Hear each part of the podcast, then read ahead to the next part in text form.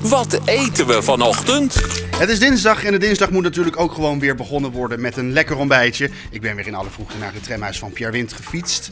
Pierre, hoe zit mijn haar? Je ziet er geweldig uit, man. Echt, ik, ik- ah, maak een foto en ik hang hem boven, eh, boven mijn- mijn mijn bed met de witte kant naar voren. Nou, wat? Wacht even, met de witte kant naar voren? Ja, dan draai ik hem om.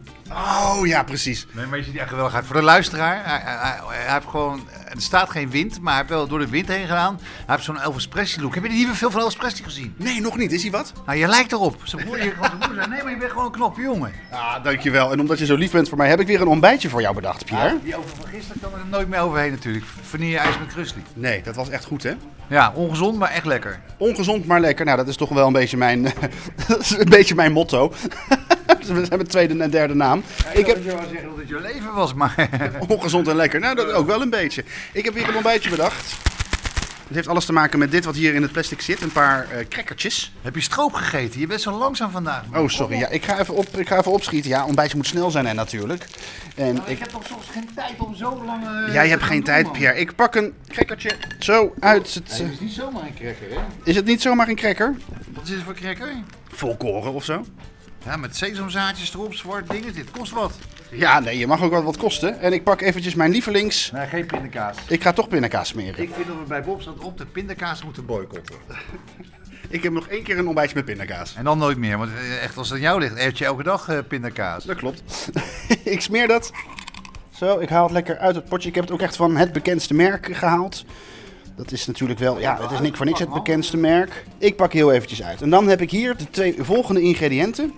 Ik heb hier De banaan. een banaantje. Pindakaas en banaan, ja, dat is natuurlijk een gouden combinatie. Maar dat is altijd wel wat, wat, wat kleffig. In ieder geval, dat vind ik dan. Ik snijd in ieder geval de banaan heel eventjes in stukjes. ik heb hier drie. Ja, drie, zoiets. Drie vers- Een eh, hele oude, hè? Maar dit, dit, dit is... Stukjes dit banaan. doen- dit doen mensen al misschien al 40, 50 jaar, sinds de pindakaas bestaat. Maar voegen zij naast de pindakaas en banaan ook dit toe. Wat ik nu uit het aluminiumfolie probeer te halen met mijn, met mijn kleine vette vingers.